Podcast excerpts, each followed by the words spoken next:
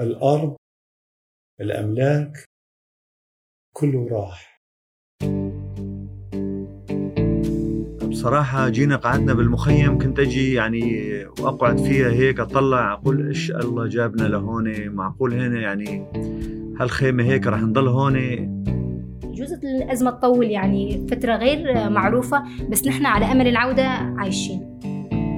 بودكاست أمل العودة من إعداد سوريا على طول. يروي قصة ثلاث عائلات سورية تعيش بين ضرورة بناء حياة جديدة في المناطق التي نزحوا إليها والأمل في العودة إلى ديارهم.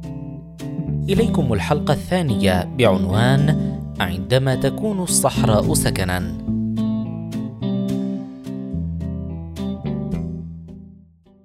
يعيش خضر خابور في مخيم واشوكاني بريف الحسكة شمال شرقي سوريا في عام 2019 هجر من منزله في ريف رأس العين بعد عملية نبع السلام العسكرية التركية بمشاركة فصائل المعارضة المدعومة منها التي استولت خلالها على أراض تسيطر عليها قوات سوريا الديمقراطية على الحدود الشمالية لسوريا. إيه، بصراحة من نزحنا من رأس العين صارت الهجمة التركية إيه، انجبرنا وطلعنا من خوف من من الأحزاب اللي اجت فاتت على المنطقة. ما قدرنا نضل هنيك كونه نحن كمان كمكون يزيدي كنا نخاف من الفرمانات. صار علينا 74 فرمان. فمشان هيك خفنا وطلعنا من ضيعتنا. الإيزيديون من أقدم الطوائف الدينية الموجودة في سوريا والعراق يتكلمون الكردية ويمارسون شعائر العقيدة الإيزيدية وهي ديانة توحيدية قديمة قلما يفهمها الغرباء عنها.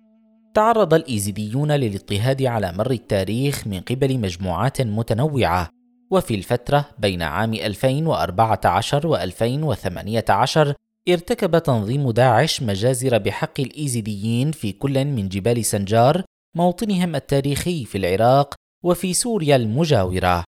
في عام 2019 كانت تفاصيل جرائم القتل ما تزال حية في ذاكرة خضر وما إن بدأ القصف على رأس العين حسم قراره بالرحيل لأنه لا يريد المجازفة بالبقاء في قريته ولا يعرف ماذا سيحل به وبعائلته.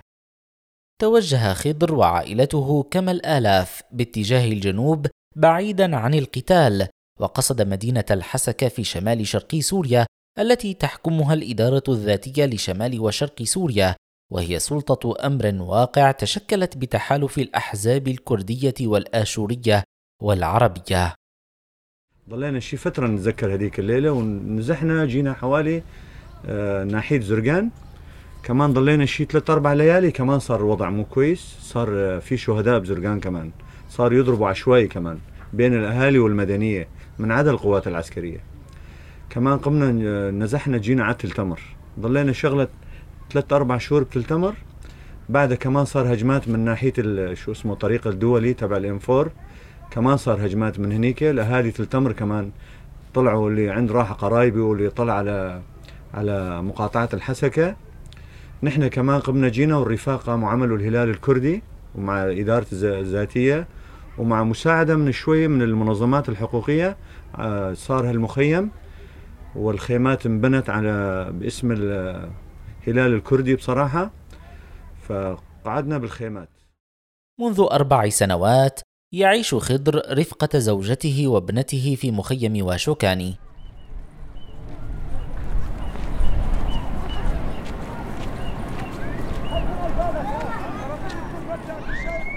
بصراحة جينا قعدنا بالمخيم كنت أجي يعني وأقعد فيها هيك أطلع أقول إيش الله جابنا لهون معقول هنا يعني هالخيمة هيك رح نضل هون ما ما عم يعني ما نأقلم على الخيمة. يعني ولا صار بعمرنا نحن هنيك عندنا بيوت وأراضي وحيطان وسقف كلها باطون كمان. حتى تراب أنا من ال 83 سوينا باطون بيوتنا. ف... تم تأسيس المخيم في تشرين الثاني نوفمبر من عام 2019 في الضواحي الغربية لمدينة الحسكة شمال شرقي سوريا واختير اسم واشوكاني تخليدا لتاريخ أولئك الذين يعيشون هنا. فرأس العين هو الاسم العربي للمدينة التي فروا منها. أما اسمها في الكردية فهو سيريكانيه أو شوكاني. ازدحام كبير بأعداد النازحين في مدينة الحسكة. الفارين من الهجمات التركية كانت الأيام الأولى في المخيم فوضوية. لأن تلك المرحلة كانت أثناء الهجوم العسكري ولا أحد يعلم إلى أين سيصل القصف أو أين يمكن أن ينتهي. تظهر التقارير الإخبارية التلفزيونية آنذاك أي منذ شهر تشرين الثاني نوفمبر عام 2019 صحراء منبسطة نصبت عليها الخيام وتحيط بها أراض جرداء قاحلة. في تلك التقارير الأولية رأينا أولى العائلات التي تصل إلى المخيم. نساء يحملن أطفالا صغارا يتجمعن حول شاحنات بيك آب حيث توزع المنظمات غير الحكومية المحلية الملابس الشتوية والبطانيات. كانت بداية فصل الشتاء. الشتاء الأول لهذه العائلات وهم في خيمة لتتوالى بعده فصول الشتاء. الأرض اللي انبنى فيها المخيم هي أرض صحراوية. آه، معبية صخور يعني واجهنا صعوبة بالبداية بتنظيفها بالصخور يعني أخذ وقت كثير منا وبصراحة كان وضع وضع الحرب كان بالبداية كان وضع العالم حيل صعب لبين ما أسسنا المخيم لذلك بنى المخيم بشكل عشوائي. أنيسة مالك الرئيسة المشتركة لإدارة المخيم التابعة للإدارة الذاتية تتحدث من مكتبها وهو عبارة عن كرفان عند مدخل المخيم وهي مثل قاطني المخيم هجرت من رأس العين وتعيش في المخيم منذ إنشائه وتساعد حاليا في إدارته. تم توسيع واشوكاني خلال الأربع سنوات الماضية حتى صار أشبه ببلدة صغيرة. يأوي المخيم حاليا نحو 16500 شخص معظمهم من الأطفال الذين يشكلون نسبة 60% من سكانه.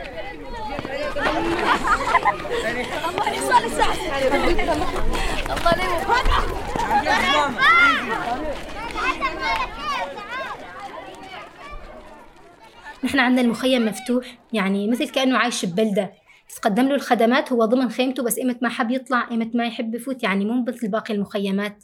مثل كأنه مدينة راس العين بس الجغرافية تغيرت والبناء وهالأمور بس يعني في كثير تسهيلات للشعب. يعني ما في عندنا إجراءات صارمة بحقوق النازحين يذهب الأطفال لمدرسة المخيم وهناك الكثير من العيادات الطبية التي تؤمن الخدمات الصحية الأساسية والأدوية للأهالي كما يوجد سوق داخل المخيم.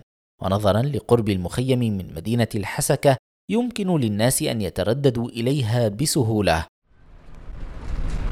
لكن رغم كل هذه المساعي لإطفاء الإحساس بالحياة الطبيعية إلا أن الواقع اليومي أبعد ما يكون عن ذلك لسبب واحد على الأقل. وهو الصخب الذي يلازم سكان المخيم. آلاف الناس محشورون معا في بقعة صغيرة. لا تتوقف الشاحنات عن المرور فيه إما لجلب المياه أو لإخراج مياه الصرف الصحي. من هنا وهناك تنبعث أصوات المولدات الصغيرة التي تمد مضخات المياه والعيادات والمدارس والمحلات بالطاقة.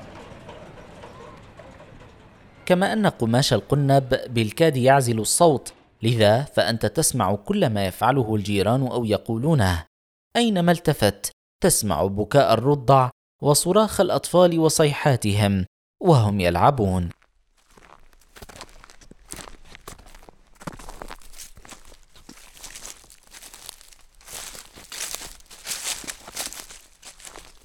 منزل خضر الذي يسكنه منذ أربع سنوات عبارة عن خيمة بحجم غرفة صغيرة على شكل قارب مقلوب. جدرانها مصنوعة من قماش القنب السميك باللون الأبيض والأزرق. ليس لها نوافذ وإنما فتحات صغيرة في الجدران ولها باب أمامي صغير لا يقفل. يحجب خيمته عن الشارع الرئيسي صف من الخيام. هي خيمة هي غرفة نوم غرفة جلوس غرفة قعدة غرفة نوم للضيوف للغسيل. يعني صعبة كتير علينا. صار أربع سنين يعني عشنا كتير آه، مأساة كثيرة صراحة كتير كتير. تبدو خيمة خضر من الداخل وكأنها غرفة معيشة صغيرة جدا ومكتظة. عشرات الرسوم الملونة التي رسمتها ابنته الصغرى نيفين تزين جدران الخيمة. السمة البارزة في معظم الرسومات المنازل الصغيرة والأشجار والحدائق تغطي أرضية الخيمة سجادة سميكة ويوجد خزائن وفرشات مصفوفة تفرشها العائلة على الأرض كل ليلة لتحول غرفة الجلوس إلى غرفة نوم. الأثاث في الغرفة بسيط وقليل جدا، لا يوجد كهرباء في الخيمة، ولكن لدى خضر مروحة قابلة للشحن يستخدمها لتبريد الخيمة عند ارتفاع درجات الحرارة، وقد تصل أحيانا إلى نحو أربعين درجة. أما المطبخ هو الجزء الوحيد في الخيمة بأرضية إسمنتية صبها خضر تلافيا للحشرات ويقع المطبخ عند مدخل الخيمة فيه رفوف تحتفظ العائلة فيها بالطعام والأواني أه، بصراحة اشتريت خزان على حسابي الشخصي كونه المنظمات وزعوا بالقطاعات خزانات شفت شوي صار أزمة على الخزانات وصار شوية مرات حساسية بين الأهالي. في اليوم الذي زرنا فيه خضر كان لوحده بينما كانت زوجته وابنته الصغرى في كردستان العراق حيث يعيش بقية أبنائه أما أشقاؤه هاجروا جميعا إلى أوروبا. خضر هو أحد آخر أفراد العائلة المتبقين في سوريا ورغم ظروفه لا يريد الرحيل عن البلد معتبرا أن خروجه بمثابة إعلان انقطاع أمل العودة إلى قريته الأصلية بضواحي رأس العين. إذا بإيد أهلي كنا رحنا كمان. يقول تعال خضر البيت راح يعني تا إذا زبط الوضع والأرض رجع كمان راح ترجع لهنيك. منذ انتقاله إلى واشوكاني يحاول خضر التأقلم مع المخيم كما لو أنه في دياره لكن الأمر يزداد صعوبة مع مرور الوقت. في البداية ظن خضر أن مكوثه لن يطول أكثر من أسابيع قليلة وربما أشهر متأملا العودة إلى دياره إلى بستان الزيتون وحقول القمح. كان تفكيره منصبا على هدف واحد وهو العودة. منذ عام تقريبا بدأ خضر بزراعة حديقة حول خيمته. هذه الحديقة صارت تذكارا له عما فقد.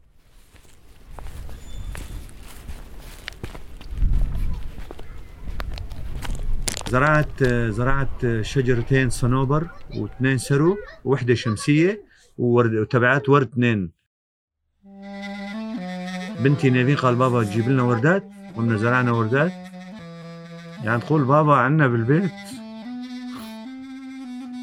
قال عنا شجر كان عنا ورد. خلي خلينا هون كمان نعمل.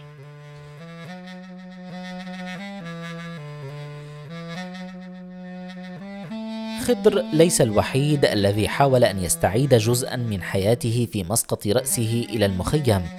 تعود أصول العديد من العائلات في واشوكاني إلى قرى ريفية لهم فيها بساتين صغيرة كانوا يزرعونها بالخضروات ويربون الماشية فيها. لكن التربة في المخيم غير مناسبة للزراعة فهي رملية وصخرية ناهيك عن شح المياه اللازمة لسقاية المزروعات. فقدان هذه العائلات صلتها بالطبيعة والرابطة التي تجمعها بالأرض مؤلم جدا وإعادة بناء حياتهم في هذه الظروف القاسية ليس بالأمر الهين.